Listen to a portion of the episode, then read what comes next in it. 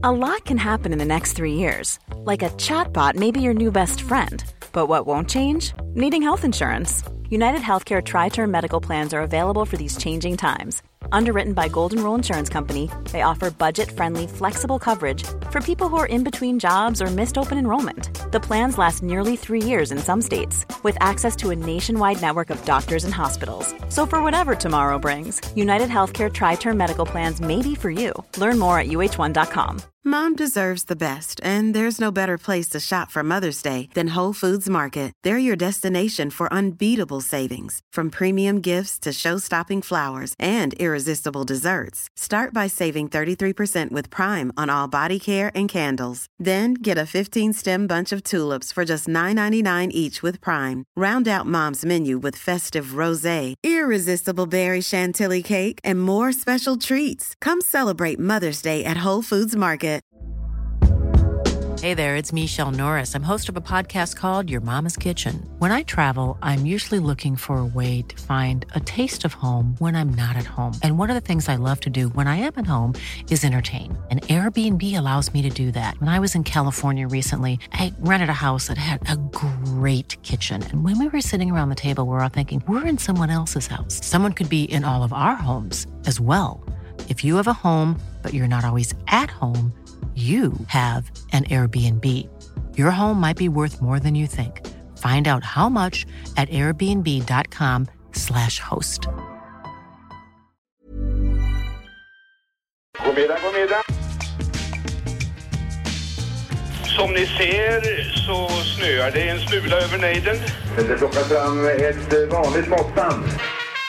Idrotten i Sverige har två organisationer. Den ena är konkret. Ja, både Lena och eh, Anette tyckte jag gick väldigt bra för. Det är kul att vara igång igen förresten. Riksidrottsförbundet med kansli, chefer och handlingsplaner. Vi är ju liksom inte nöjda med det här för vi känner att vi kan gå på alla. Eller, eller jag ska vara bäst. Vi kan gå på alla. Den andra är osynlig. Ett finmaskigt nätverk av människor runt hela landet. Kom Och som existerar därför att den vill finnas till. Tommy Soran Gemi, en spelare som har roligt när han springer. Den kallar vi idrottsrörelsen. Nej, ingen tappar precis där. Jag är väl kanske lite pessimistisk om men... Belöningen är den egna tillfredsställelsen över att ha hjälpt till. Tommy Soran Gemi igen. Över att ha hjälpt till, till, till. Scandic Anglais. Vi har bett dem sänka ljudet på musiken. Det har inte lyckats. Det går aldrig. Nej, det går aldrig. Jag försökte också i förra veckan, men det gick inte. Men jag tror att om vi pratar med bestämt tryck, då kommer det gå. Samma tryck som Ilien Nastase hade i höfterna när han gick ut och dansade efter Stockholm Open. Alltså Ilja Nastase, rumänen, som bodde här på Scandic, hette det säkert inte då. Lyxhotellet Anglais 1969, när det var det första US Open. Vet du det kostade natten då? Inte US Open. Sa jag US Open nu? jag ser i din blick så här, det här kommer bli en lång, det kommer liksom bli en lång dag. Kom igen Här bodde han, Ilja Nastase, på Anglais. Benämns som Lyxhotellet. 83 kronor natten betalade han då. Det kan inte vara så dyrt va? Vad är det i dagens penningvärde? Jag vet inte men jag vet att... Det finns ju en, en sorts människor som vet sånt. Som kan räkna om inflation. Ja. En av två rumäner i den första upplagan av Stockholm Open.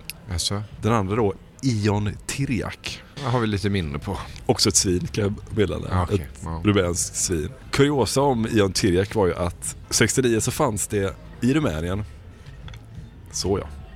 Oj. Tack snälla. Tack så hemskt mycket. Det kunde varit ljudet av Ilien Nastases två testiklar som slog mot varandra. så hårda är de. Han har gått hem en kall kväll från Stockholm Open. Han får såna fantom, du vet, vad är det som klirrar så gott? Ja, Varför dricker vi Negroni, Marcus? men att tala om det för mig. För att Ilje gjorde det kanske. Ilja gjorde ju det 75 inför Stockholm Open. Då skulle han ju möta Arthur Ashe dagen eh, efter. Och då, då bjöd han Arthur då, Amerikas färgade tennisspelare som han alltid benämndes på den tiden. Och sa att uh, imorgon ska jag spela dig vit mm. i Stockholm Open. Det borde vi inte hylla egentligen. Det, är väl, det finns väl... Nej men det gjorde vi inte. Du berättade ju vad han sa. Ja. Utan att lägga någon värdering i det. Folk kanske inte tror att vi är rasister. Nej, jag hoppas inte det. I alla fall två rumäner med 69. Den ena då, Ion Tirjak. Han, under den här tiden, 69, så fanns det två stycken Mercedes-bilar i hela Rumänien. Och då tänker man, ja då tillhörde de Tirjak och Nastase. Nej, Nastase hade ingen. Han hade en annan bil. Jag glömde bort vad fan han Båda tillhörde Ceausescu? Nej, en tillhörde Ceausescu den andra tillhörde Tirjak. Okej. Okay. det stabil så här. Det finns två Mercedes-bilar. Jag har den ena, den andra har ja, statschef. En bra, otroligt bra quizfråga faktiskt. Du var på Stockholm förra året. Ja, det stämmer. Ja. Träffade Björn Borg. Ja. Det gör man ju inte varje dag. Hur var han? Ja, jätteuppsluppen och trevlig. Gladlynt. Lite salongs. Ja. Han hade varit och kollat på Leo som spelade fin match där på kvällen. Var nära och skälla. Sen stannade han till och, och pratade lite med mig och kille på DN tror jag. Tio minuter, en kvart. Ja jävlar. Ja, ja. Det var ett kul för att jag, jag minns att jag frågade honom så här. Eller frågade egentligen inte. Jag sa att hade Leo vunnit så hade det kanske varit den största skrällen sen Leif Johansson slog. Mer hann jag inte säga förrän Björn Borg bröt in och sa Stan Smith 71. Jo, jag vet. Jävlar. Så det var, bodde en liten Björn Hellberg i Björn Borg där. Det kommer jag ihåg att jag imponerades av. Ja. Han hade också koll på historiken. Men vi har väl en levande hypotes att bordtennisspelare och tennisspelare kan eh, statistik jävligt bra. Mm. Historia, alltså de minns alltid settsiffror och sånt där. Eller så har vi bara haft turen att träffa just de bordtennisspelarna och tennisspelarna som, som är bra på det. Ja, kanske. Det kanske bara hör till på något vis. Idag är det Stockholm Open. Första upplagan 69. Då är det då Sven Davidsson.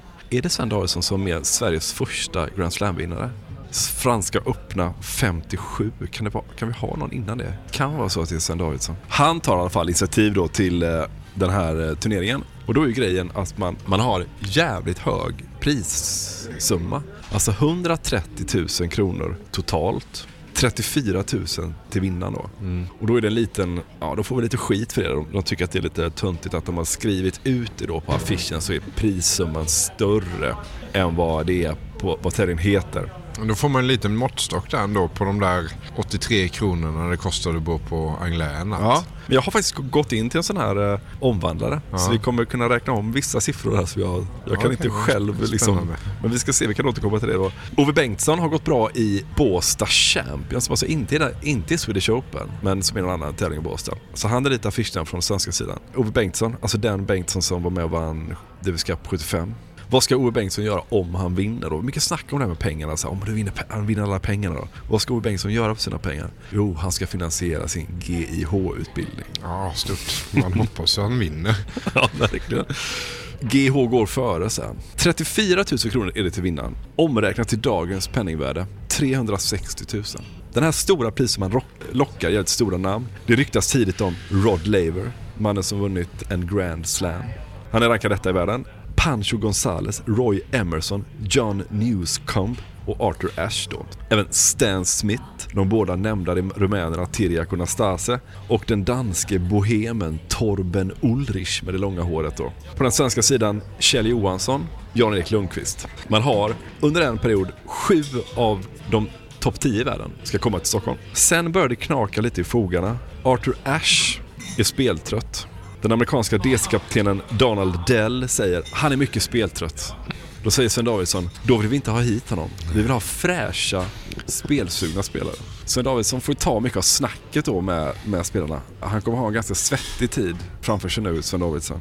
Man har ju ändå hört liksom att så här, de kommer till Stockholm för att det är mycket nattklubbar, mm. det är mycket pengar, det är lite krogliv och så. Vi ska se Marcus om, om den fördomen om ska säga, stämmer när vi är klara här. Man har också åtta svenskar, lågt rankade, som ska kvala in två platser. De kör ett kval innan. Två av de åtta får vara med i mm. turneringen. När det är dags att lotta spelschemat för hela turneringen. Pressen är där, det är liksom en, de håller en presskonferens, alla är där och nu ska vi lotta det här. Då utbryter, utbryter vild strejk bland de svenska åtta spelarna. De bara går rakt ut ur eh, salongen så här. Ja, varför det? Då är det så att Två stycken av spelarna kommer från landsbygden. Det är Kenneth Andersson och Per Jämsby. De är från Malmö och Göteborg. De andra sex, Bo Holmström, Christer Holm, Hans Nerell, Bengt Åsberg, Martin Karlstein och Lars Ölander. De som är från Stockholm, de får bara 500 kronor för att ställa upp i turneringen. De som är från landsbygden får 1000. Mm. Så de sex som är från Stockholm strejkar bara. Då vill inte vi med. Vad är det i dagens penningvärde då? Har du omvandlat de summorna också? Det Nej. borde ju vara då, 1000 kronor borde ju vara... Lägger på en nolla kanske, helt enkelt. Ja, det kan man faktiskt göra. Ja. Så 5000 versus 10 000 mm. ungefär. Bra Marcus, du är ju en vandrande inflationsomvandlare. Sen Davidsson, svinförbannad. Du vet, bara vad fan är det som pågår? Så här, strejk. Mitt framför alla pressen och alltihopa så här. Han blir så jävla förbannad. Skäller ut dem efter noter. Och på dem bara så här, okay, det här kanske inte var så genomtänkt säger de här spelarna då liksom för att vi skulle få några pengar. Han bara, då får du fan inte vara med liksom. Och det blir repressalier på det här också, säger Sven Davidsson. De ångrar sig nästan direkt, skriver ett handskrivet brev så här. Och fan, vi ber verkligen om ursäkt så här. De ska vara tacksamma att de får chansen, säger Sven Davidsson. Och det är fan ledare som är med här och arrangerar det här som inte får någonting betalt. Vad fan är detta mm. liksom? Spelarna ångrar sig och lämnar in en skriftlig ursäkt. Men problemen hopar sig. Jan-Erik Lundqvist kan inte vara med. Han ska anordna en sportmässa i Norrköping så han drar sig ur. Sen börjar då de här stora namnen höra av sig med lite olika förklaringar varför de inte kan vara med. John Newscomb hävdar att han är skadad i en bilkrasch. Ken Rosewall, hemlängtan, vill inte vara med och spela. Tom Ocker ska operera halsen.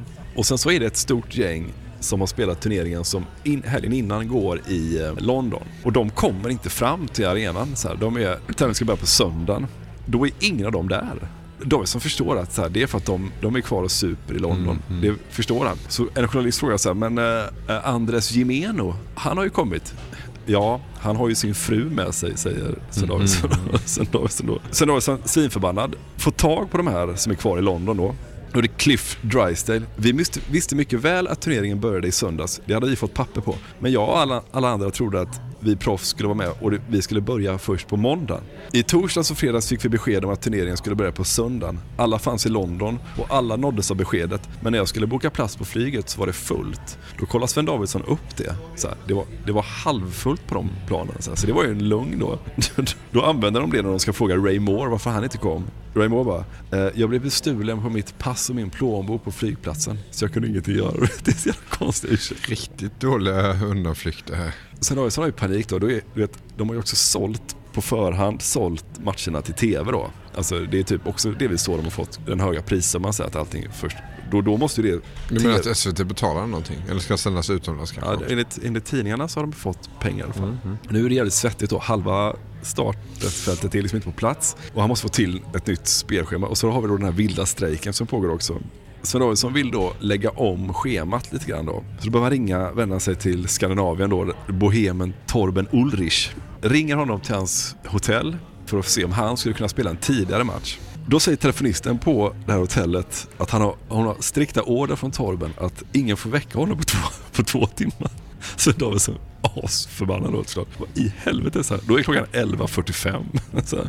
Torben måste sova till tidigast får man ta kontakt med honom. 13.30. Mm. Sen Davidsson bara, du kan säga att det är tävlingsledningen till Stockholm Open. Och hon bara, eh, nej alltså jag har strikta besked. Ingen får prata med Ulrich. Jag får inte väcka honom innan halv två. Han bara, jag har känt Torben Ulrich i 20 år. Nu ger du honom luren liksom. Får tag i honom då till slut. Vägrar flytta sin match hotar med att åka hem till Danmark om hans match tidigare läggs någonting. Fruktansvärt ja, dålig situation. jävla rövgäng han har att göra med. Totalt kaos. Då lägger de om schemat, schemat igen då, så då tar de in redan nämnde Leif Johansson han är 17 år vid tillfället då. Han ska då spela, han får liksom spela, gå in och spela MR för nu är de här svenskarna borta alltihopa och de här har inte kommit. Så 17-åringen Leif Johansson, junior, han ska gå första matchen mot Rod Laver. Oj, oj, oj. Rankad etta i världen. Har precis, alltså samma år, 69, vunnit sin andra Grand Slam, alltså när han vinner samtliga Grand Slam samma år då. Leif Johansson vinner första set i den matchen.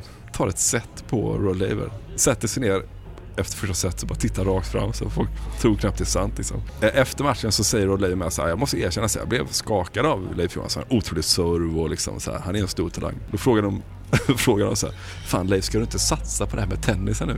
Han bara, nej absolut inte. Måste vara en tillfällighet det här. Eh, jag, jag vill gå klart skolan. Absolut inte. nej, nej, nej, det här är bara en tillfällighet. Och det är alltså denna Leif Johansson som sen skräller 71 och som sen då föder barnet Joakim Pimpim Johansson. Ja, otroligt ju. Ja. Stockholm Open är inte slut. På fredagen kan vi läsa i GT skandalscener i Kungliga Tennishallen. Sen Davidsson får rycka ut igen och liksom släcka bränderna. Amerikanen Martin Reesen och rumänen Tirjak har mött varandra på bana 3. Tirjak har gått ut innan matchen och sagt att han hatar Martin Reesen. Fucking hate him, I'm gonna knock him. Inför den matchen så saknas två mittlinjedomare också. Mm. Så att det blir så jävla mycket bråk om bollarna. Hela tävlingsledningen måste komma springa över till den matchen. Vad är det som händer här? Golvet går sönder för att Tirjak slår sitt rack, slår hårt i golvet. Att plattorna lossnar från golvet så får de gå in och limma dem mitten av matchen. Hur som helst, Rod Laver har eh, gått vidare. Han slog ju Leif. Ska nu möta en annan toppspelare, Fred Stoll. Fred Stoll säger till tidningarna innan matchen om man ska störta kungen får man inte gå ut och lägga sig för tidigt. Sen går han raka vägen ut till Stureplan och krökar på nattklubben Alexandra fram till klockan sex på, morgonen. Sover ett par timmar innan han går upp och slår Rod Laver 7-5, 8-10, 6-4. Oj då. dyngbakis. Mm. Sov två timmar. Kloss med den matchen spelade han en dubbelmatch ihop med Ove Bengtsson. Nej, förlåt. En dubbelmatch med Andres Jimenos. Slår Tony Roche och Ove Bengtsson i en maratonmatch som slutar 6-3, 12, 14, 6, 4 och är slut vid midnatt. Åh herregud. De har spelat oavbrutet tennis i fem och en halv timme. Tvärbakis.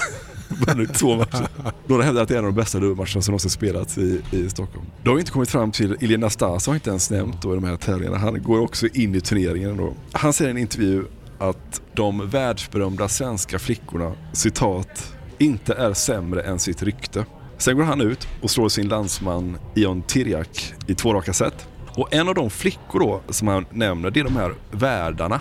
Och alltså, det är helt sjukt vad många av artiklarna som handlar om flickor och nattlivet. Då har de alltså varsin sån värld som kör runt dem vart de vill och också tipsar dem om nattklubbar runt om i Stockholm. En av dessa värdar är Lollo Sturén. Hon är oerhört imponerad. Citat Lollo Sturén. De här gossarna kan verkligen hålla igång.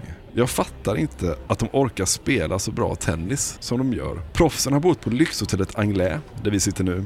Där har varit en jämn trafik med flickor hela veckan, säger Lolo. I takt med att alla har supit ner sig i den här tävlingen då så har ju den stora suputen Ilja Nastase seglat upp som favorit. Han har slagit ut då.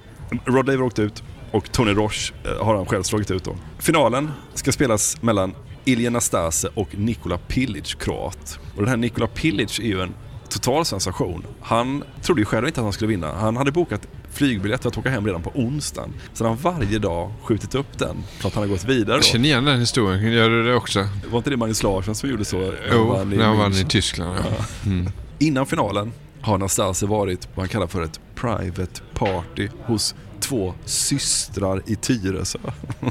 är trots detta stor favorit då mot Pilic i finalen men förlorar då den matchen mot Pilic som vinner och hans rubrik då i Sportexpressen dagen efter Pilic är att öl och brudar hjälpte mig att vinna. Och då var det alltså inte för att han använde öl och brudar utan för att han såg att alla andra söp mm. ner sig. Han sa, jag har aldrig sett, vet, han var helt i chock. Så Tony Roche, han bara, han, hans armar och ben gick ur kors sista set mm. mot uh, Elina Stas. Han var så bakfull. Så han förstod så här, okej, okay, om jag bara ser till att inte dricka det här mm. så kommer jag ju sopa hem där. Och gör mycket riktigt det då i en tresetare mot Ilja Nastase. Där man, om man ska tro siffrorna då, kan tänka sig att Nastase tappar lite fart mot slutet. 6-4, 4-6, 6-2. Mm.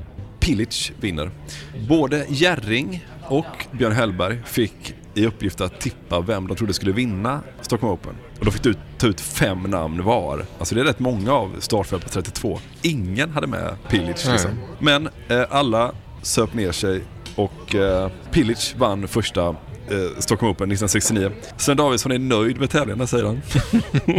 Jag tror att tävlingarna nu är världsberömda inom tennisvärlden och att många vill komma hit framöver. Wow.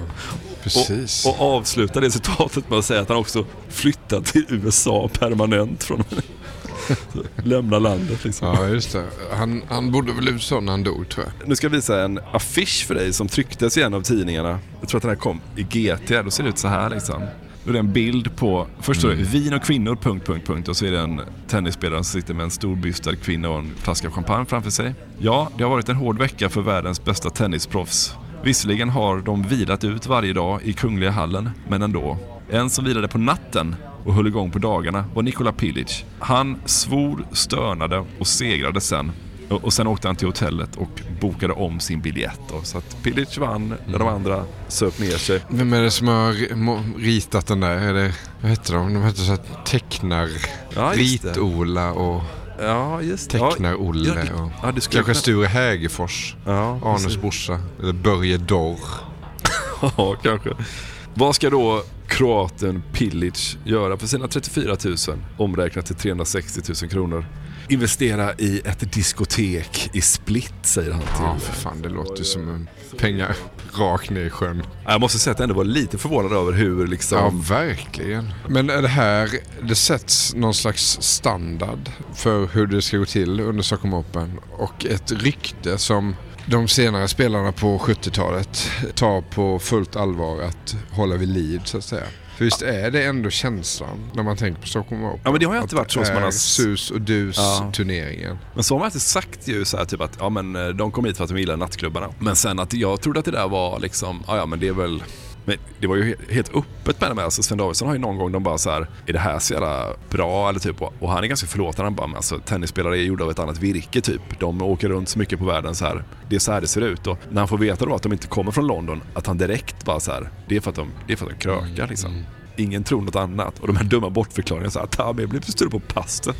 Det är så här, sju spelare som kommer en dag för sent till tävlingen. Det är så jävla respektlöst. Ja. Ja, men det är också lite härligt kan jag tycka. Va? Lite mer eh, bo- bohemiskt helt enkelt. Ja. Ja, det var som fan. Jag, jag blev nästan lite eh, blev tagen nästan alltså, av vilket ös det var 69. Ja, jag vet. Aldrig hört talas om. Men du, Marcus, ska vi sticka till eh, Kungliga Tennishallen? Ja, kanske ska Och göra det. innan vi, gör, innan vi gör det, kan vi inte bara lyssna på när Bengt Grive hälsar välkomna till... Det här var den första jag hittade på KB. Och det är 78 och då hälsar Bengt Grive välkommen. God, vacker dag, säger han. Vädret är så fint så han rekommenderar alla att stänga av TVn och gå ut i det härliga vädret. Det är ändå underbart. Så är det ingen som gör på Discovery idag. Ja, och så lägger vi på någon riktigt god härlig dänga från 78, skarven 78-80. Ja, just det. Okej. Mm. Mm. Och så sveper vi våran eh, Nastasi Negr- eh, Negroni här då. Och så drar vi. Och så drar vi. Gött. God vacker dag från Stockholm.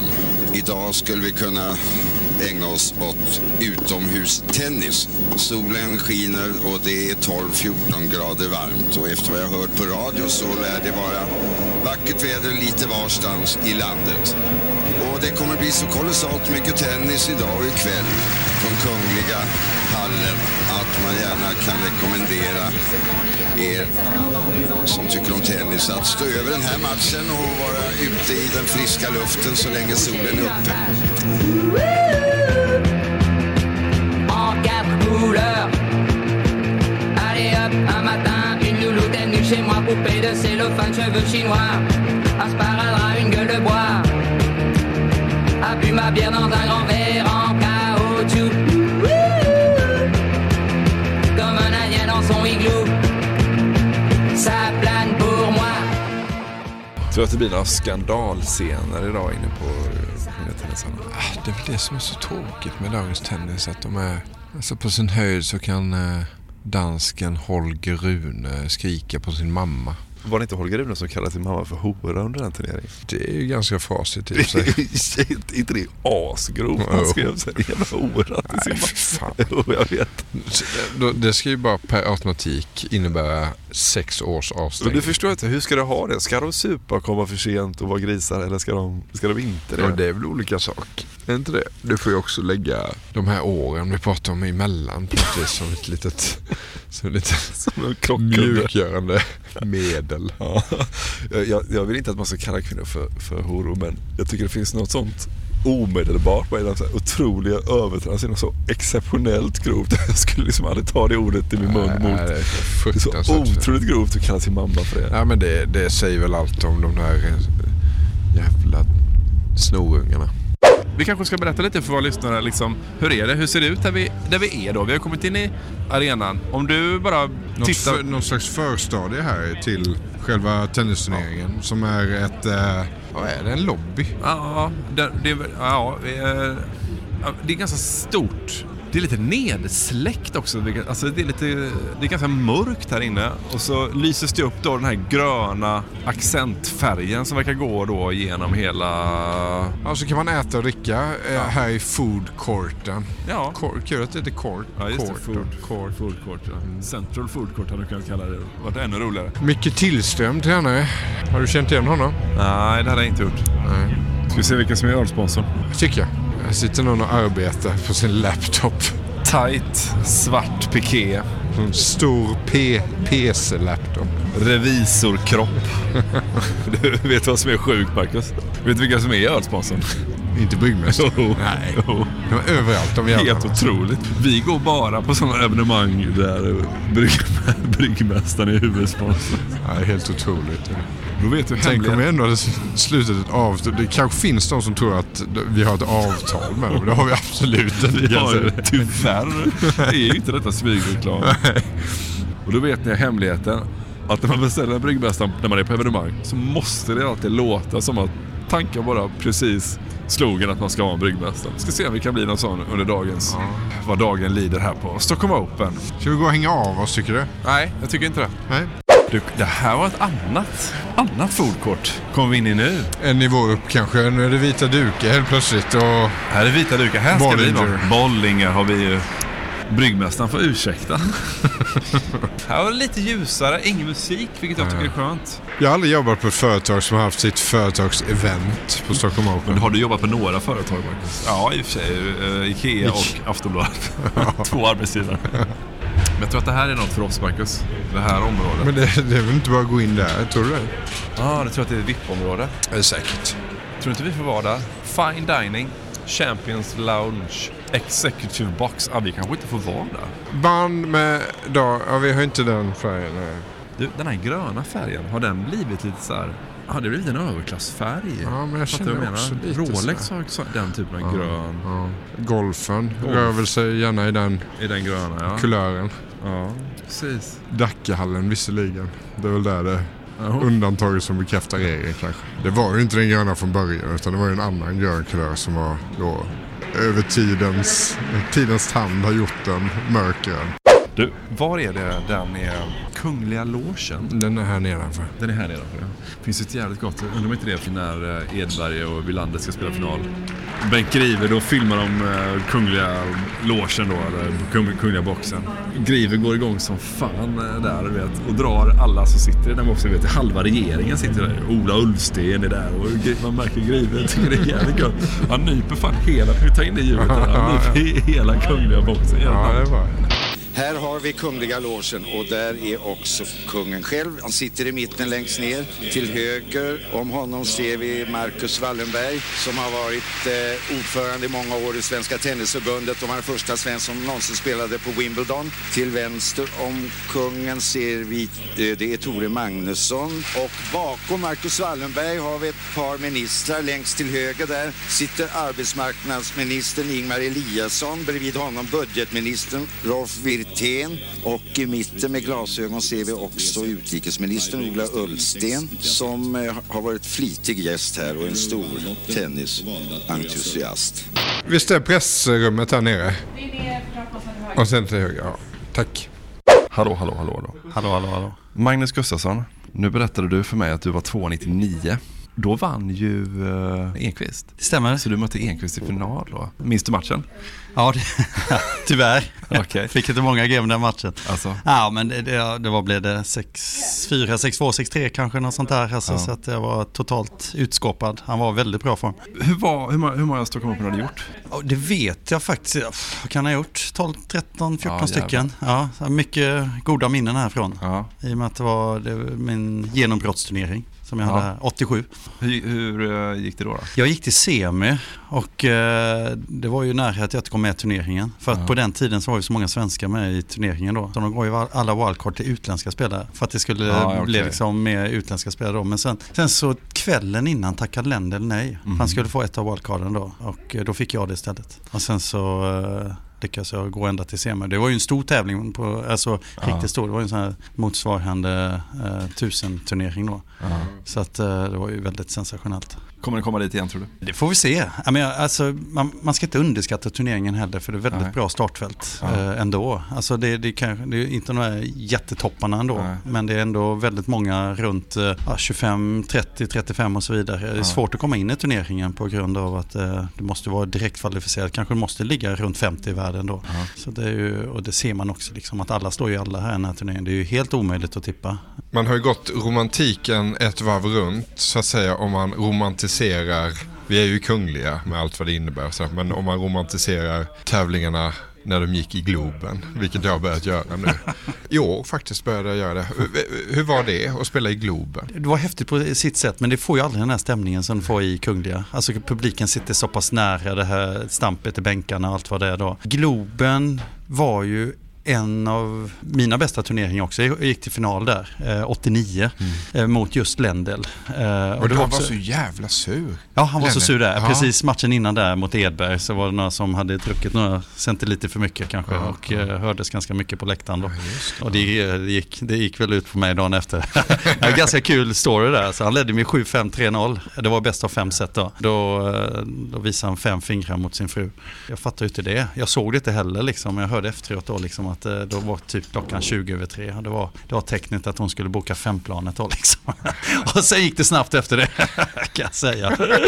Han var, han var grym då. Han var världsetta. Ja. Full med självförtroende. Ja, verkligen. Mm. Helt annan fråga. Vilket är ditt bästa Karl-Axel Hageskog-minne? Jag jag har många, eh, men eh, jag vet inte, det bästa... Vi lurade honom någon gång inför, vi skulle spela Davis Cup-final mot Italien tror jag. Vi var på träningsläger i, eh, i Monte Carlo. Och eh, ja,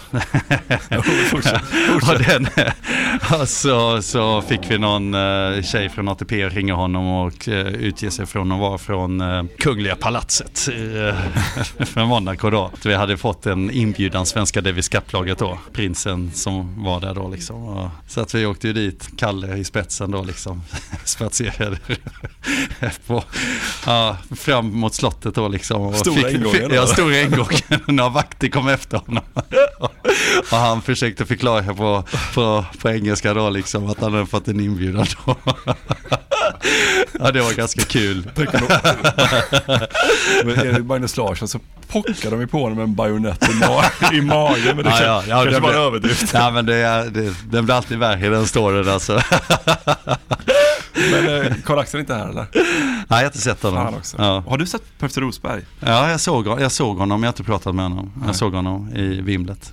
Vi är ju på jakt efter Petter Rosberg. Vi vill veta nu från hästens mun varför han eh, gjorde om Edebergs eh, till, eh, till Lenans Fatahberg. Ja, okej eh, Magnus. Du ska upp och, och sätta dig med eh, Eivor nu eller? Jajamän. Kommentera. Ja, Hälsa Johan. det ska jag göra. Tack, tack. Den här mannen kommer snart att vinna över en miljon kronor. Det sker i en föga upphetsande final som går som den ska. Katten vinner över råttan. Igår kväll stördes Lendl av några oförskämda och överförfriskade åskådare och han kände sig trampad på tårna. Sårad, stackarn. Se så glad han blir när han vinner, Lendl. Så han tar emot prispengarna och vill egentligen inte komma tillbaks till Sverige. Du Ivan, det är en sak du glömmer. Oss. För om du vinner en turnering, jag menar nu inte pengarna, utan en fin pokal, Stockholm Open, utan att se glad ut, då har du nedvärderat vår tävling och det gillar inte vi. Du får vara världsstjärna hur mycket som helst. Vi hurrar och vi applåderar, men du surar. Och med den inställningen så går det inte i längden att driva ens en tenniscirkus. För ingen betalar för sånt. Då har vi varit 45 minuter kanske i pressrummet. Riktigt bra pressrums pressrumstugg. Först en bandad intervju med Magnus Gustafsson. Sen Lite mer off the record. Ja, jag tänkte säga så här, riktigt bra sånt off the record tugg med Johan och Eivor. En sån diskussion som så här, några steg åt sidan, symboliskt. Man är ju fortfarande i pressrummet, lika nära andra människor. Sänkt röst, speak easy. Och så bara off the record i kanske 20 minuter. off the record. Ingenting är möjligt att liksom. Och nu gick ju du ut och jag var kvar ytterligare en, en liten stund och pratade ännu mer off the record.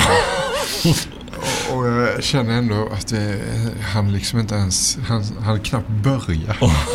jag tror... Det blir en riktigt lång kväll i Kungälv. Jag tror Johan Ejeborg har en och en halv timme off the record till i sig. Han var riktigt på sånt off the record humör var ju. Men det kan bli lite så när man är på någon eh, event, någon tävling som man kanske vanligtvis inte mm. vanligtvis inte inom ens bevakningsområde. Då är det precis som att då är det liksom fritt fram att prata off the record. Så kommer Frick var här också. Hon jobbar ju som speaker. Ja, kommer det är inte heller hennes eh, vanliga bevakningsområde. Det kan bli off the record där också sen. Nu står vi i, nu tittar vi ut genom ett sånt här, ett runt fönster här i markplan. Och framför oss står matchen mellan Monfils och Österrike. Va? Österrike. Mm. tycker han har en rätt uppgiven stil här i Österrike. Det är nog så att han vet nu att det, är, det här går inte att vända på det. Tror du han har bokat bord på Alexandra ikväll, Österrike? Blecktornskällan. Precis, det är så det är nu på Stockholm Open. Innan var det Alexandra och så kunde man svassa hem med någon fotomodell. Nu blir det någon som läser tekniskt basår så på Blecktornskällan. Liksom. Den var över. Den slog jag lite flit. Man vill bara spela Jack Vegas. Här är ju alla segrarna. 69, Nikola Pilic. Stan Smith, 70. Möter Arthur Ashe i finalen. 71 Arthur Ashe, Jan Koders. Sen Stan Smith igen. Tom Gorman slog Björn Borg. Ja, en riktig... Kolla här. P.S. Brosnan. Ja, eller Anders Limpar. Björn Borg, 7-6 avgörande. Ash igen. Ash igen. Och Panatta såklart, ja. Sandy Meyer. Sen har vi McEnroe, 78. McEnroe igen, två i rad. Och sen bryter ju Borg den sviten 80. Slår uh, John McEnroe. Vet du vad jag tycker om de här tavlorna som är, Jag Nej. tycker de är, liksom, de är ganska nedtonade. De är inte större än, vad är det, 20 gånger 30 det här eller? Ja. Jag tycker det klär ett sånt ställe som Kungliga. Mm. Det ska inte vara större än så här. Det var fint. Ja. Här är den berömda planschen från 69. Världens bästa tennisspelare slåss om 130 000 kronor. Och då ser man ju att 130 000 betydligt större än Stockholm Open. Också att de är tidigt tryckt för Jan-Erik Lundqvist. Ja, det vet vi att han hade i sin sportmässa i Norrköping. John Newscomp, bilkrasch, ställde inte upp. Och så Tony Roche som var så bakfull så armarna och benen var i kors. Arthur Ashe kom inte heller till det. Speltrött. 10 kronor för en dagsbiljett. Johnny Cash and the Tennessee 3. Måndag 13 september. Vilket år? 70 va? Tror jag. 1970. Starkt. Skulle man varit här då? Johnny Cash. Ja, okej. Okay. Ska vi leta efter Percy eller? Vi har ju frågat tio personer om har sett Percy Rushberg. Alla har sett honom? Alla har sett honom, men ingen har... Han är, han är rätt liten. Du, tittar du bort här? Känner du igen någon här eller? Nej, jag gör inte det. Nej. Jag tror att jag kommer känna igen Rosberg om jag ser honom. Jag är rätt säker på det faktiskt. Ja, det gör jag också. Well, you ask me if I'll forget my baby I guess I will someday. I don't like it but I guess things happen that way. You ask me if I'll get along. I guess I will some way. I don't like it but I guess things happen that way. Jag tänkte när vi åkte hit så att vi inte skulle kommentera Thomas Enqvists utseende. Men det är, det är han, det är Frändesjö som är där uppe i den absoluta liksom, världseliten tror jag. I att åldras bra som före detta toppidrottsman. Jag ska fråga Enqvist då. Det var ju ändå lite när Enqvist kom där. Han vann, jag tror att Enqvist vann 95, 97, 99. Tror jag. Någonting sånt. Eller 95, 96, 99 eller sånt där. Att man tänkte så, oh, så här, det bara fortsätter i all evighet. Nu har vi en ny god svensk som bara supar hem massa ATP-turneringar. Så blev det inte. Det är fint. Vi står alltså utanför tävlingsledningsrummet. Som enda mediehus som står och trycker. Och de har dragit ner persiennerna. Vi står liksom, och det ena fönstret har de missat att dra åt helt och hållet. Så kan man liksom kisa sig in. böjer lite på knäna så kan man se nacken på ja. Thomas Enqvist. Enda mediehus på plats långare med alla spelarna nu Ja, jag tänkte också här, på det. Inga Vinci, Vinci, vad heter han? Vinci Guerra. Vinci Guerra. Vi frågar Per, per Rosberg om det. Ja. Längden. Längden, ja. Ändå mäktigt med Percy Rosberg. Det är svårt att prata så mycket om Percy Rosberg om vi nu inte hittar honom. Det blir jävla antiklimax. Men du vet att ändå ha satt sitt namn. Alla gjort sitt lilla, lilla avtryck i tennishistorien. Så här. Alla som vet något om tennis kan sin tennis. Om du så är född i liksom, ute, uppe i bergen i Kroatien eller i södra Spanien eller norra Irak eller på så här. Du kan din tennis. Så vet du att Percy Rosberg har gjort ett... Torre verkligen. Ja, Nej, jag tror att det är vi i Sverige som vet det. Vadå, alla vet väl att han har lagt om Stefan Edbergs Nej, jag tror faktiskt inte det. Han tränade ju Borg också. Ja, jo men det vet man ju precis. Såklart. Ja, jag vet inte. Du vill gärna att det ska vara så. Ja, jag vill att det ska vara så. Enqvist. Hej, har du två minuter eller? Eller är det mycket? Har du sett eh, Percy Rosberg eller? Ja, det gjorde jag. Jag såg han i förrgår. Inte idag, men i förrgår. Jag tror han är 91 va? Ja, vi letade efter Vi honom. här. pratade tennis och liksom lika passionerad och jättekul att se han superklar. Och han är underbar, det tycker jag verkligen ni ska prata med för att han är sån här otroligt, fortfarande otroligt passionerad. Jag har hört att han hänger i stort sett varje dag i Salthallen fortfarande och tittar och, och är involverad och kommer med tips. Så att, eh, det ska ni verkligen prata med. Grymt. Grymt. Titta hur han tävlar, han flyter fram. Det är en syn av förtjusning att se honom. Hyland, Hyland, Hyland. Det är dags att hylla våra outtröttliga Hyland-prenumeranter och vi gör det den här veckan genom att läsa upp namnet på Stockholm Open-vinnare genom historien. Enär Enya har gått igång gör också jag det. Stort tack för ert frikostiga stöd.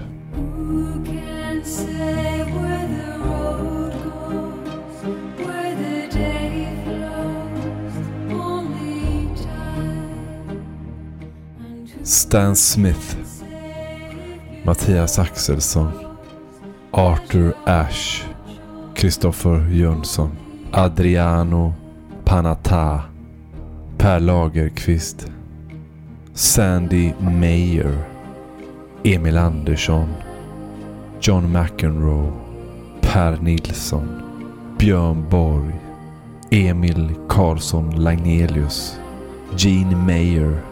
Johan Wall, Henri Leconte, Marcus Wilberg, Mats Villander, Einar Österberg, Stefan Edberg, Sigurd Bjerke, Boris Becker, Magnus Tervik, Ivan Lendel, Mattias Sundling, Goran Ivanisevic, Martin Karlgren, Michael Stisch, Laura Andersson, Thomas Enqvist, Marcus Halling, Jonas Björkman, Marcus Nymad, Todd Martin, Simon Kingdahl, Thomas Johansson, Mardy Fish, Tobias Kvarnström, David Nalbandian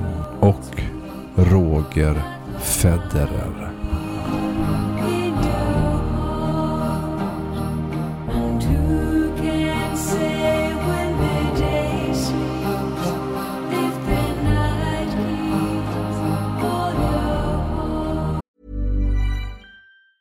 Hiring for your small business? If you're not looking for professionals on LinkedIn, you're looking in the wrong place. That's like looking for your car keys in a fish tank.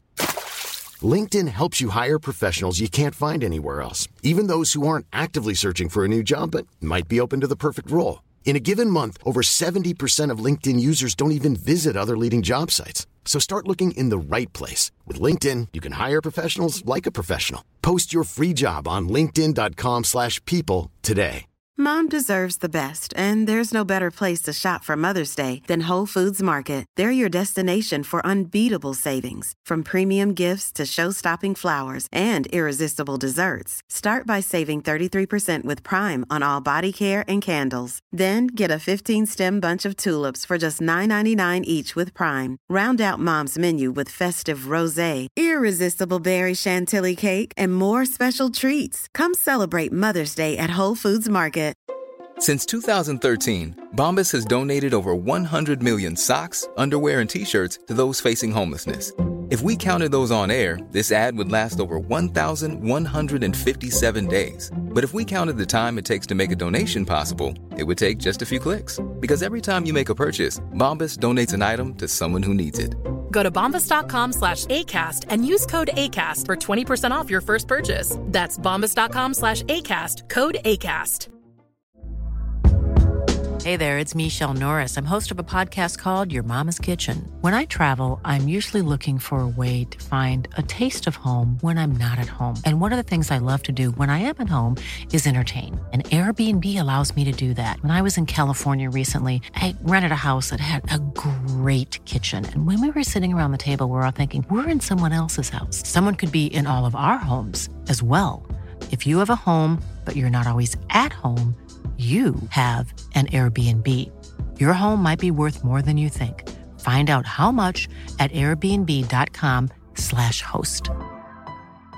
Burrow is a furniture company known for timeless design and thoughtful construction and free shipping, and that extends to their outdoor collection. Their outdoor furniture is built to withstand the elements, featuring rust-proof stainless steel hardware, weather-ready teak, and quick-dry foam cushions. For Memorial Day, get 15% off your Burrow purchase at burrow.com slash ACAST and up to 25% off outdoor. That's up to 25% off outdoor furniture at burrow.com slash ACAST.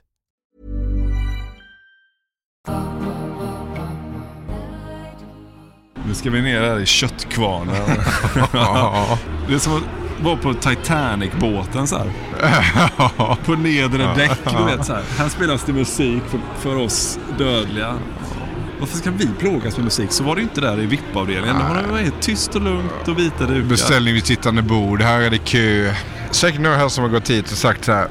En sån jäkla bra food court på Stockholm Open. Ja, vi arbetargrabbar. Då får vi ha de här lekarna. Vi får food court, musik, företagstävlingar. Jag tror att eh, Audi, den Audi-modellen som står här nere, den är ju billigare än den som står uppe. Vi kommer inte sälja en enda jävla Audi-bil här. Kunde lika gärna haft en begagnad Audi Quattro stående här. Ja, men så... 33 800. Ja, men... En sån skylt i vindrutan. Jag och pappa åkte och kollade på bilar. Jag tror att de gångerna jag varit inne liksom i en bilsalong eller vad det nu heter. In, in, inomhus så att säga och kollat på bil. Då kan jag räkna på en hand. Ja. Gångerna vi har åkt ner och, och sakta kört förbi en rad med bilar som står utanför och bara kollat i vindrutan så här, Ja. på prislapparna. Prislapparna, ja. ja. Det är ju tusentals gånger alltså. Och sen en liten sån nit så tvär... Ah! Ja, ja, det var en, pappa lite nyfiken på en 740 där. Alltså. Och sen rullar sakta vidare. Ja, ska vi ner här nu då och, och brottas? Jag tror att det är som i Titanic också, om detta nedre däck på Titanic, att ett, en handfull här har vunnit sin Stockholm Open-biljett i ett parti poker. Så. Ja, just det. Också så om det börjar brinna så, då kommer den utgång där, den kommer ju bara liksom så, så tummar de igen den för att inte elden ska sprida sig så offrar de oss. Ut bland ja, ut, bland, ut bland de fina där ute, med de vita dukarna. Det tar sig så stänger den bara in oss. Vill du ha någonting att dricka till Marcus? Ja, men jag kan... Vad har du? Du har bryggmästaren där kan man väl ta? Ja, tack. Kändisradan. Alexander Östlund och Olof Mellberg Olof. Mellberg. Det betyder att Percy Rosberg förmodligen inte är här. Då måste vi leta i diametralt motsatta delen av Kungliga Televisionen. Ja, jag tror också det. Alltså. Men jag måste säga det ändå att eh, man ska inte tro att det liksom är fisförnämt här. Jag jag hoppas inte vi har gjort det intrycket Nej. att det skulle vara det. Det är, det är en härlig, eh, dynamisk eh, miljö Ja, ja. jag håller med. sprang på en uh, taifare här som är här måndag till fredag varje dag. Och bryter av eh, ibland för att åka och kolla på Tingsryd. Att de ska få stryk någonstans i någon kranskommun Ja, Stockholm. men det, det, är, det är snyggt att vara så länge på Stockholm Open att man hinner med två seriematcher med sitt favorithockeylag. Alltså avbrott. Man är på Stockholm Open över två matcher i serielunket. Det borde finnas ett sånt paket man kan köpa här. Som biljettpaket så ingår det resor till en hockeyhall någonstans i Sverige. Ett helt sånt pass, eh, Stockholm Open-pass. Du ska ha alla dagar plus att du då kommer in gratis på alla matcher i Scania-rinken. Nu såg jag på dig Marcus. Alltså du såg... Det tändes något i mina ögon. Vill du berätta bara för mig och lyssnarna vad det var du såg? Jag såg en man, några år äldre än vad jag är, skulle jag gissa. Vuxet klädd, ensam. Ja. Eh, Som gick och köpte en öl. Han hade ett tennismagasin i handen som han nu sitter och läser. Som förmodligen har kommit hit ensam tror jag. Ja. Bara för att se lite tennis. Komma ut lite. Har absolut inga problem med att gå på den här sortens eh, evenemang ensam. Nej. Det kan till och med vara så tror jag att han har funderat på om man ska höra av sig till någon polare som har varit med tidigare. Sådär, men ah, det är inte jätteviktigt. Kan lika gärna gå ner själv en stund. Det kan vara rätt fint att vara själv Ja, på jag Stockholm tycker det är Open. skönt att vara själv på Stockholm Open. Men så här, kanske bor säkert i krokarna, rätt nära, kanske gått hit. Ja. Bor på Östermalm. Yngsta dottern kom in på juristprogrammet i Lund. Så nu går alla barnen på universitetet. Kolla, titta, vänd dig om och titta lite på honom. Vilar sånt lugn över honom. Otroligt så här. På, på en helt annan plats än vad jag är så här, i livet. Vet. Svinstressad över precis. All så här, ekonomisk framtid eh, kan också på något vis ta typ ett tredje världskrig med en helt annan ro än vad man själv har för, lång, för långt kvar liksom.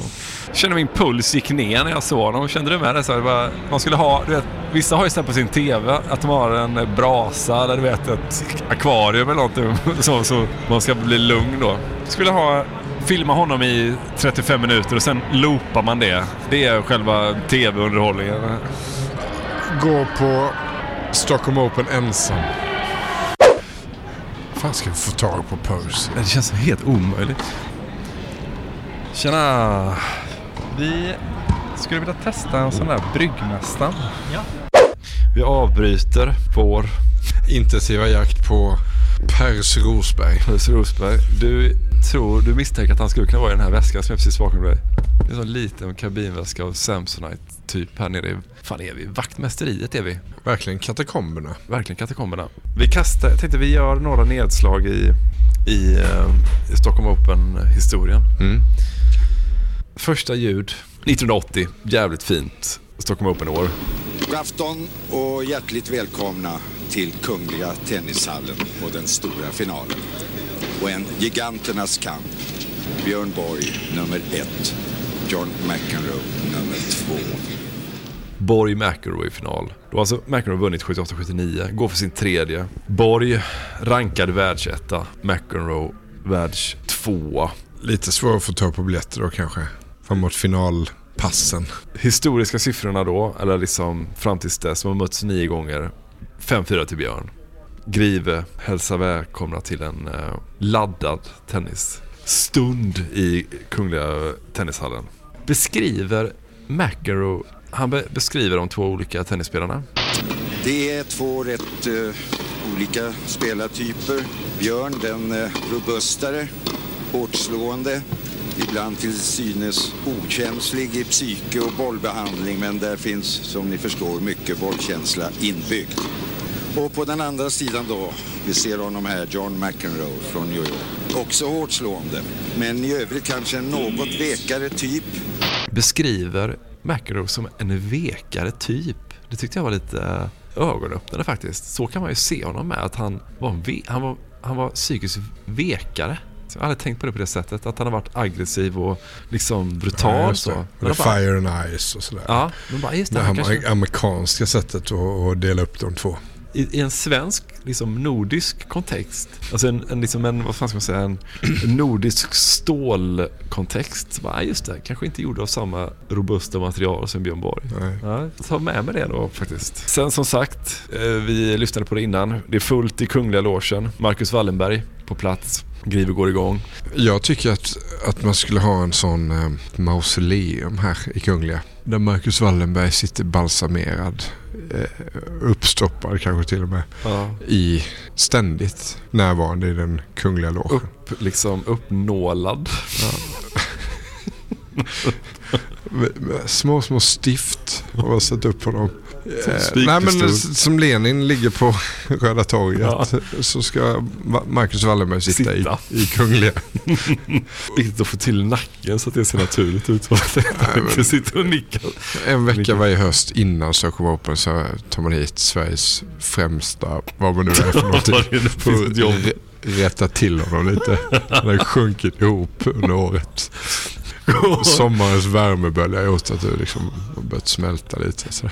Första hösttecknet. Kanske till och med byter kostym på dem. Klipper håret på Marcus Wallenberg som sitter i kungliga loge. Okej, Björn är framme vid matchboll i alla fall. Mellan att, alltså näst sista bollen då som gör att det innebär matchboll. Fram till att matchbollen slås in. Du har ändå grivit tyst 45 sekunder i rad. Det är ändå starkt. Du vet, inför en matchboll. Det måste finnas något att säga där för att bygga upp stämningen. Griven vägrar. Det måste vara nordiskt rekord. Ja.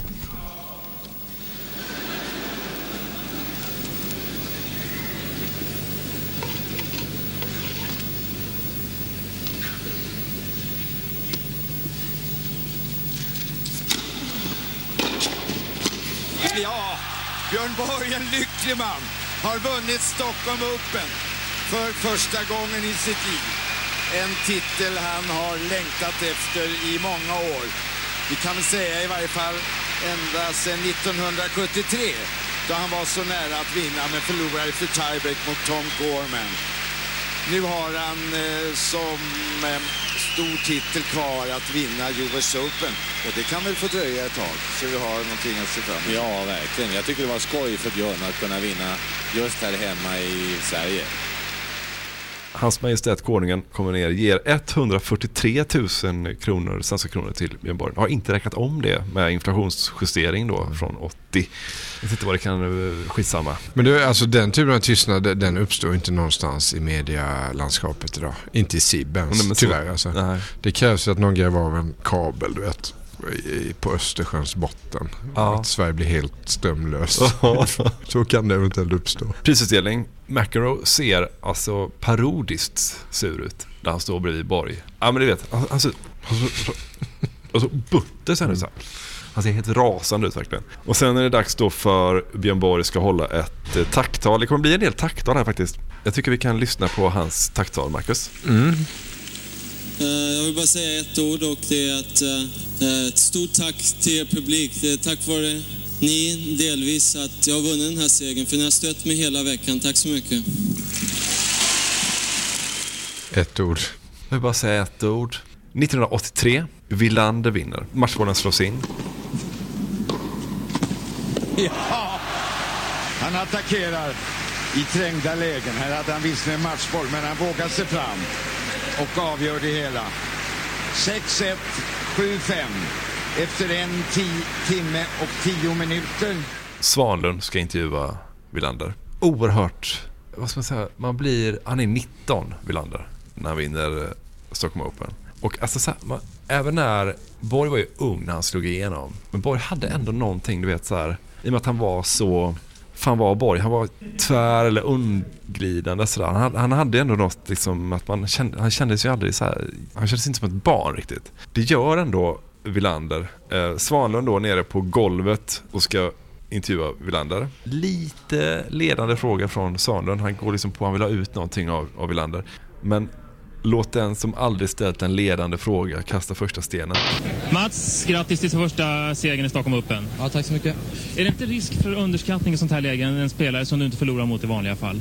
Nej, det är det inte. Kan du beskriva känslan här nu att stå inför ett fullsatt Kungliga hallen, direktsändning i TV och få ett pris av kungen nu? Hur känns det här? Ja, jag har inte fått det. Nej, du ska, du ska få, när, när du får det nu, hur känns det? Nej, jag vet inte. Det det är klart det är roligt för att eh, det är en av mina st- stora mål att vinna i Stockholm.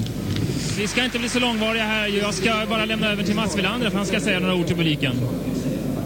Ja, inte. Eh, jag måste säga att jag tycker det är väldigt roligt att spela i Stockholm för det första.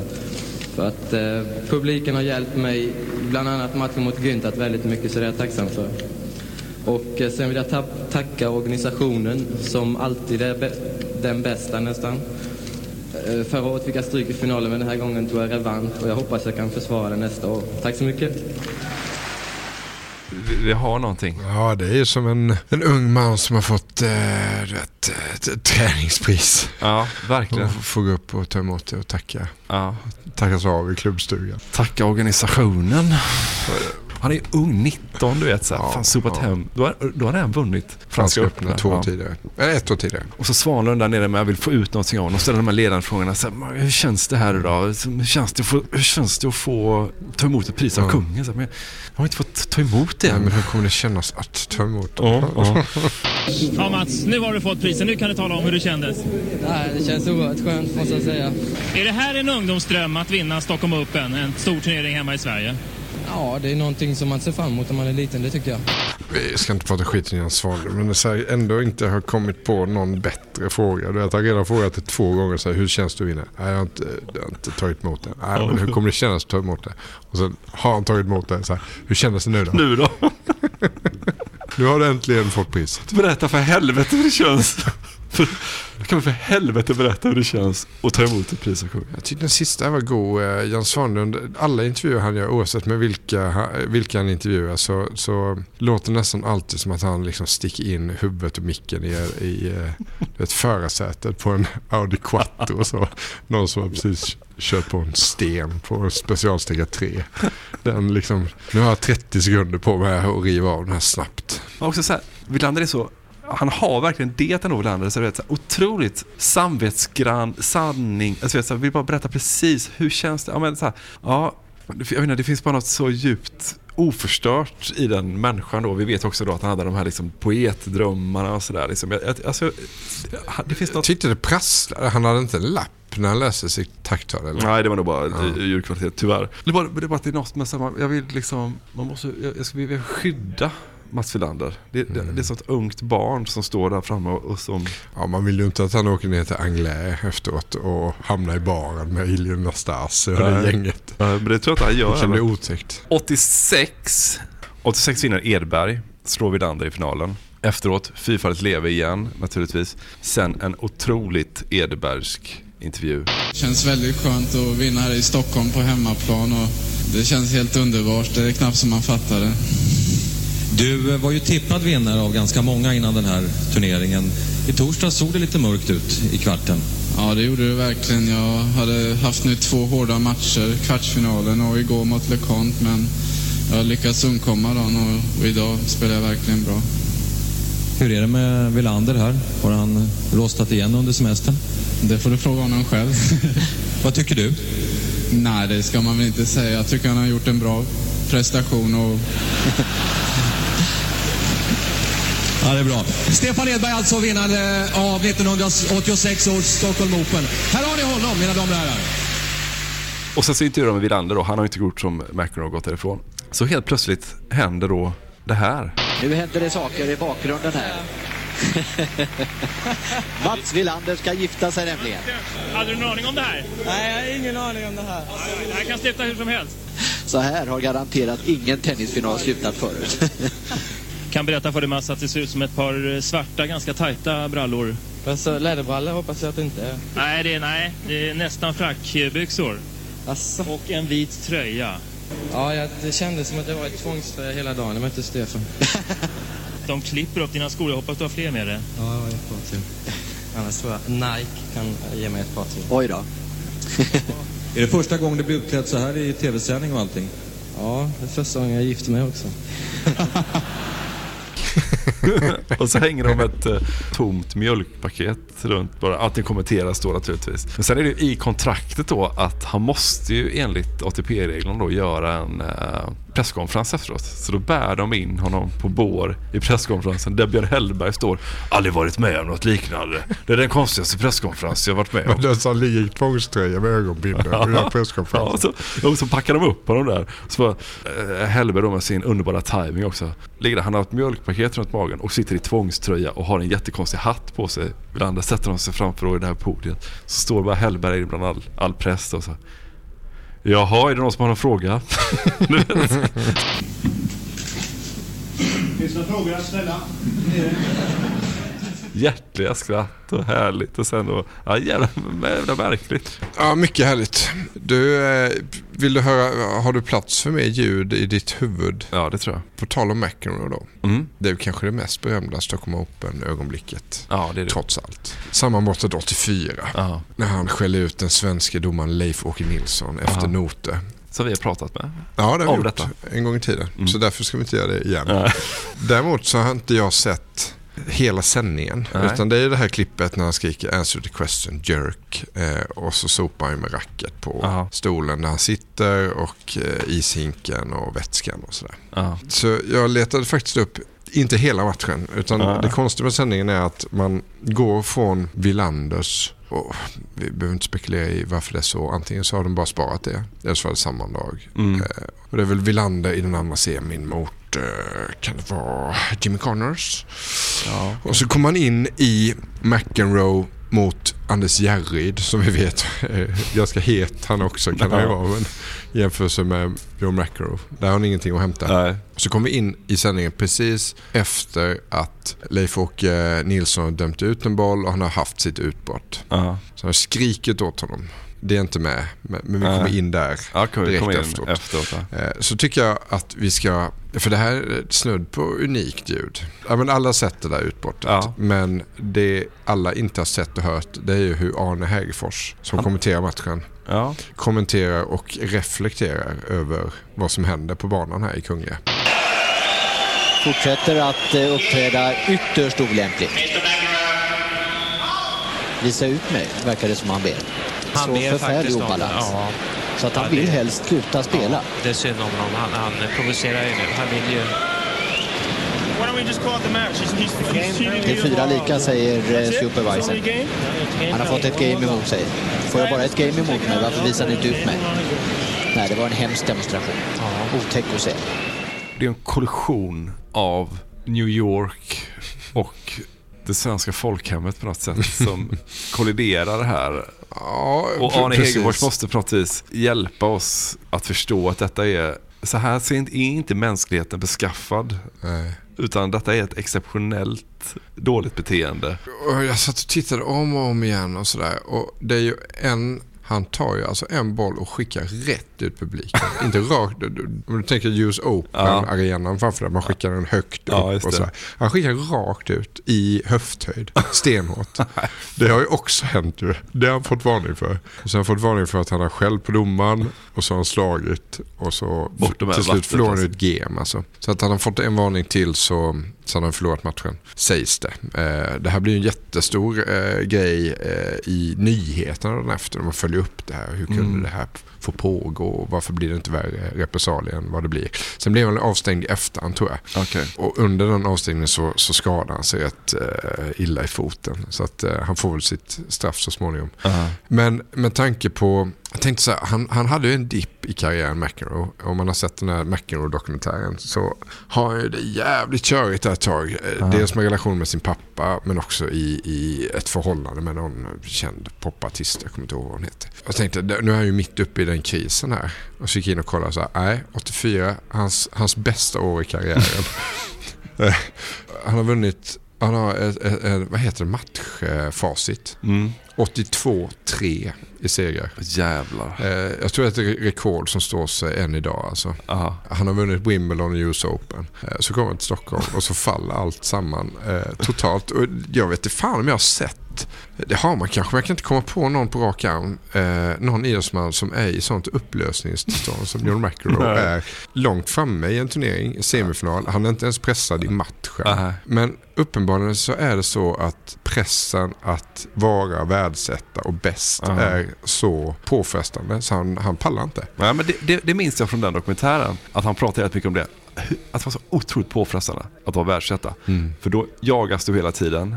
Inför varje tävling är du det största namnet som kommer dit och sådär. Liksom. Och dessutom så har ju Borg eh, slutat här. Eh, och, det. och det stressar ju upp honom också. Han saknar ju Björn Borg, det har Ja, jag pratat om ju. Det säger han ja. Han, blir, han förlorar ju nästan en del av sig själv när Björn Borg lägger Ja, av. ja, det är väldigt Eh, starkt att han, han ser det så. Och just det här att, att se en, en tennisspelare eller en idrottsman som är så pass duktig vara så nära ett sammanbrott. Jag Ja. tror inte man kommer närmare utan att det är ett sammanbrott alltså, än det här. Vi ska kolla på matchbollen och lyssna på vad Arne säger också. Och då var det över efter två timmar och sex minuter.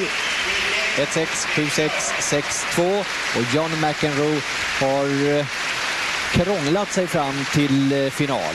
efter den här eh, semifinalsegern mot Anders Järryd. En Järryd som säkert är mycket, mycket besviken. Och egentligen borde ju också McEnroe vara besviken trots att han har gått till final. Besviken över sitt sätt att uppträda i den här matchen. Det var inte Gåsen Ruda utan det var Gåsen Rudis som var där då och då. Ja, det är inte ofta man ser en tennisspelare som har vunnit en semifinal i en så pass stor turnering som Stockholm Open var på 80-talet som Nej. lämnar centerkorten så snabbt. Han är ju borta på 10 sekunder. Ja. Det är så oändlig kulturkrock med liksom, något sånt här har vi aldrig haft i Sverige. Jag menar det ska ju dröja ända till ända till Zlatan innan, innan det finns något som liknar det. Alltså att man kan vara så kaxig så här. eh, Det, alltså vi har aldrig sett det liksom. Ja, men samtidigt så är det ju inte en... eh, han är ju inte kaxig. Utan han, Ah, han, okej är, han är ganska ja, öppen både i, i sättet han för sig och sättet han pratar om att det här är inte kul alltså. Det är inte så att eh, jag är bäst i världen och ingen kan slå mig och den typen av kaxighet. Utan ha- han, han, hela hans kropp utstår det ju att det här är en jävla pina alltså. Ja. Ni fattar inte hur jävla jobbigt det är. Och jag tror att om ni har sett dokumentären när man ser de här bilderna från presskonferensen så hade de vetat att de fanns så hade de varit med i den här dokumentären. Ja. För att den är, den är helt, eh, han är spritt språngande naken där skulle man Ja. kunna säga. Vi bara- Vi tar lite mer presskonferens ja, lite ljud här.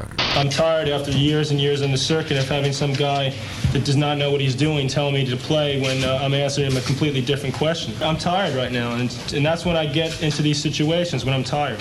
You know, when I'm fresh, I'm a lot, lot more in control, and uh, I can control my emotions if I want. And here, it's just like I can't because mentally I'm letting down, and it's it's very difficult for me to just go out there and play badly or see bad decisions and not do anything about it in, in the condition that I'm in. You get tired of people rooting against you every week.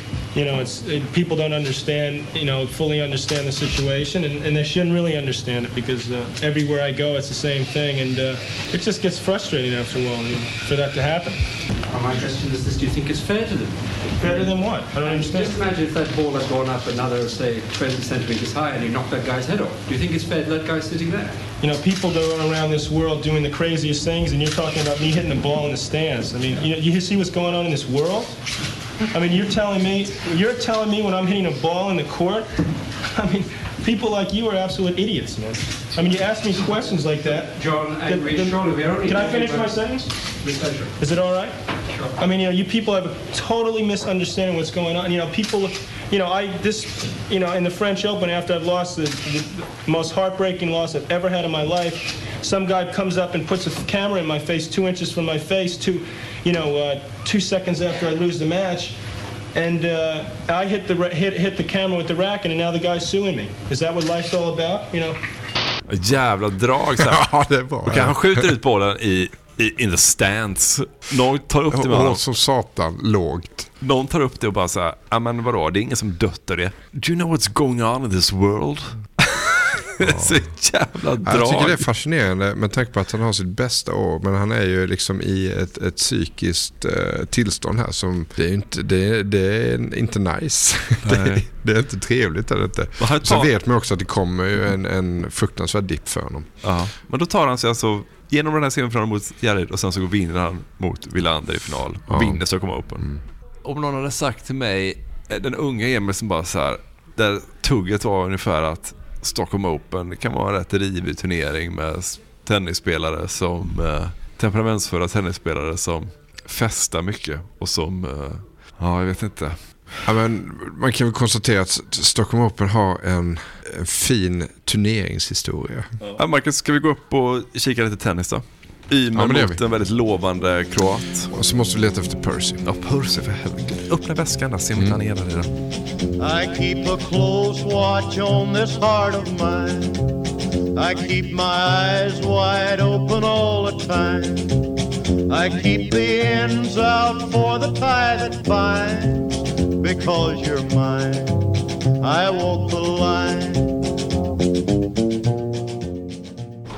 Nu har vi fått bra tips. Ja, Bra tips. Har fått tips om vad han, han tydligen tycker han inte om att sitta i Båsen, eh, boxarna då, Boxarna. utan han vill se tennis. Och det var, hade vi väl på känn också. Så jag tittar i hörnerna efter eh, Roper. Leta i hörnen. Lite så du vet, om man har, om Kungliga Tennishallen är en godispåse, så skakar man den så. Så hamnar ju de små bitarna ofta i hörnen. Så kan vi tänka kring Puls Rosberg också. Han är i hörnen någonstans. Om han är någonstans. Ja, vi kollar lite här då. Kolla första hörnet. Nej, ingen här. Bra forehand alltså. Ja jävlar. Bra tennis. Grejen är att jag tror att när folk ser oss gå runt och leta sådär efter någon så tänker alla, jaha, nu tror de att de ska hitta Björn Borg här. Precis. Men det är fel dag. Är det Se och Hör som är ute Ja, efter någon skandalrubrik kring Borg? Vi skiter väl i Borg. Det är ju Percy vi vill ha. Vi vill höra från hästens mun varför han la om Edbergs backhand. Och hör sen. Mm. Gör inte saken lättare att han är så satans liten. Vi har nu ett nummer till Puss Rosberg. Ett tag kändes det som att vi letade efter ett par skor eller någonting. Eller så, alltså en sak. Så. Men vi, han är ju en person. Han har ju faktiskt ett nummer. Skulle kunna ringa och bara se om han är här. Något som du gjorde det var ju att du la om Stefan Edbergs backhand från en tvåhandspattarbackhand till en enhandsbackhand. Kan du en gång för alla berätta varför? Det var redan vid 13-årsåldern som han var med i en kurs som Tennisförbundet hade i Båstad. Han ju uppfattade lite, lite grann under den veckan att det, det var en kille som var lite annorlunda.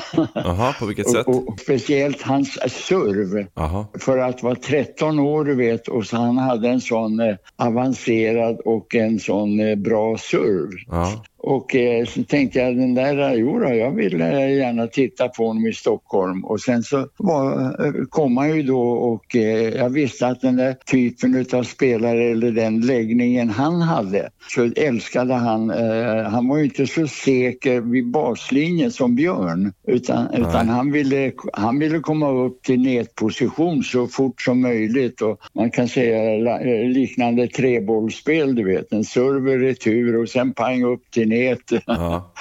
Ja, Sir Volley helt enkelt. De som har tvåhandsfattning på grundslagerna. Ja. Ja, De har i, regel lite eh, dålig backhandvolley för det är där de måste gå in med och hantera 300 gram med en, en arm. Du Ja, vet. Då så såg jag där på att eh, den där eh, backhandvolleyn må- måste jag ju reparera eller få honom med, med, bättre Ja. än vad han hade. Ja, så vi började med backhandvolleyn och eh, fick en, eh, ordning på den. Och Blev, både jag och han eh, var nöjd med resultatet och då var det bara att sätta igång och träna. Jag sa till honom, "Hörru, du går ner till baslinjen nu så ska du få lite såna direktörsbollar som jag kallar det för. Ne- Nere i din höfthöjd, ja, som jag då skickade iväg. Och så gör du samma rörelse som backhandvolleyn fast du sänker ner hela systemet ner i höfthöjden Mm. Med en hand då, du vet, eftersom man hade ju presterat en backhandvolley där man måste vara stadig i handleden och göra rörelsen som du vet. Alltså. Ja, och han, han gjorde det redan efter ett par bollar han fick ifrån mig, alltså då, med rätt avslutning på svingen. Och då tänkte jag, vad fan, det, den jävla, han, han, han gör ju det ju riktigt eh, tekniskt sett eh, bra. Ja, ja, så stod vi och provade där och så vände jag mig om till hans pappa som satt på läktaren. Och så frågade jag honom, du, vad tycker du, ser det inte bra ut? Jo, sa han alltså.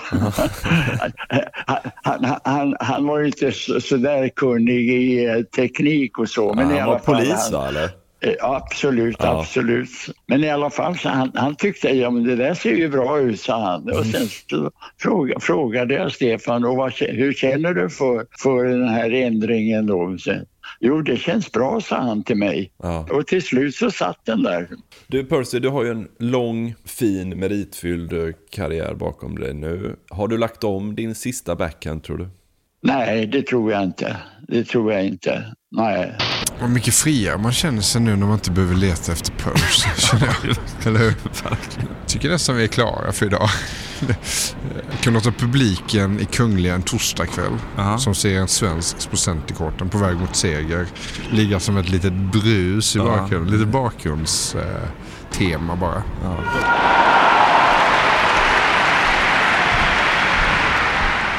Ska vi göra så Marcus att vi låter John McEnroe leda oss ut ur 2023 års upplaga av Stockholm Open. En presskonferens, en tennisspelare i total obalans. Ja, precis. Världens bästa, vid tidpunkten världens bästa tennisspelare. Mm. Rent spelmässigt. Men psykiskt knappt eh, topp 100 tror jag inte. Så kan vi bara låta han babbla lite på sin presskonferens. Och så tackar vi för att ni har varit med oss idag. Kom ihåg att det aldrig är för sent att byta från en dubbelfattad backhand till en enhandsfattad backhand. Tack. Tack.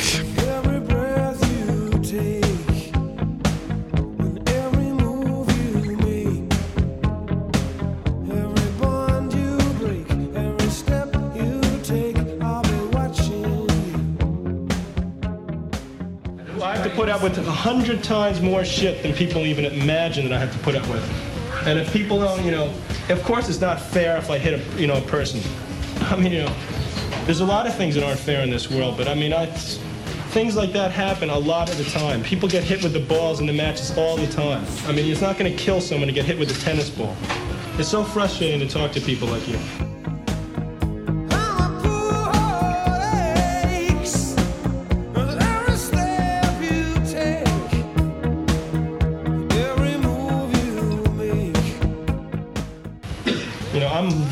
Lucky and I'm very proud of what I've done and very happy that I've done a lot of things. And I'm, I feel very lucky that I made the type of money that I made. But I also feel that uh, the people like you owe me a lot more than you think because you've been very, very unfair to me. And you know, maybe someday we'll, you know, we'll all be, you know, we'll all be in a better situation. But right now, it's very difficult to be at the top and have to worry about 20 different things at once. It's not just going out in the court. It's, just, uh, it's, it's a lot more than I ever imagined. And, and sometimes when you get tired, it's a little tougher to deal with than others.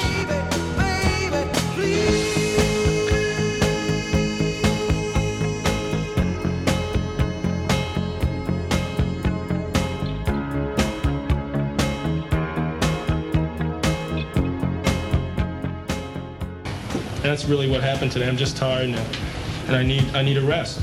I need to get away from like tennis, but I'm not. I'm actually starting to play better though, so that's the funny thing about it. I'm playing better now than I was at the beginning of the week. It just shows you never know.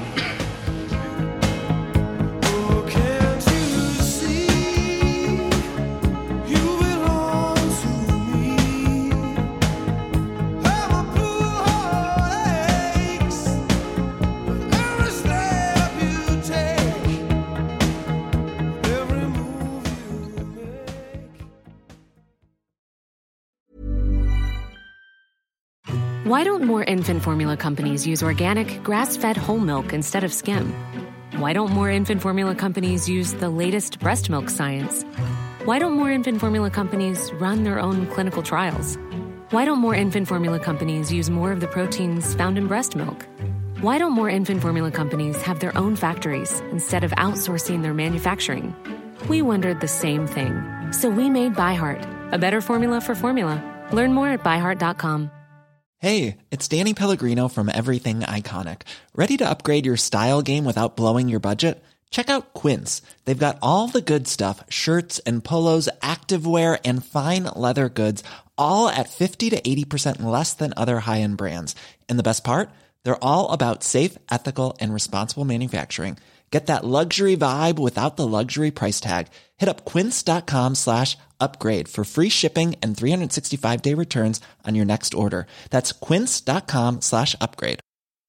Mom deserves the best, and there's no better place to shop for Mother's Day than Whole Foods Market. They're your destination for unbeatable savings, from premium gifts to show-stopping flowers and irresistible desserts. Start by saving 33% with Prime on all body care and candles. Then get a 15-stem bunch of tulips for just $9.99 each with Prime. Round out Mom's menu with festive rosé, irresistible berry chantilly cake, and more special treats. Come celebrate Mother's Day at Whole Foods Market.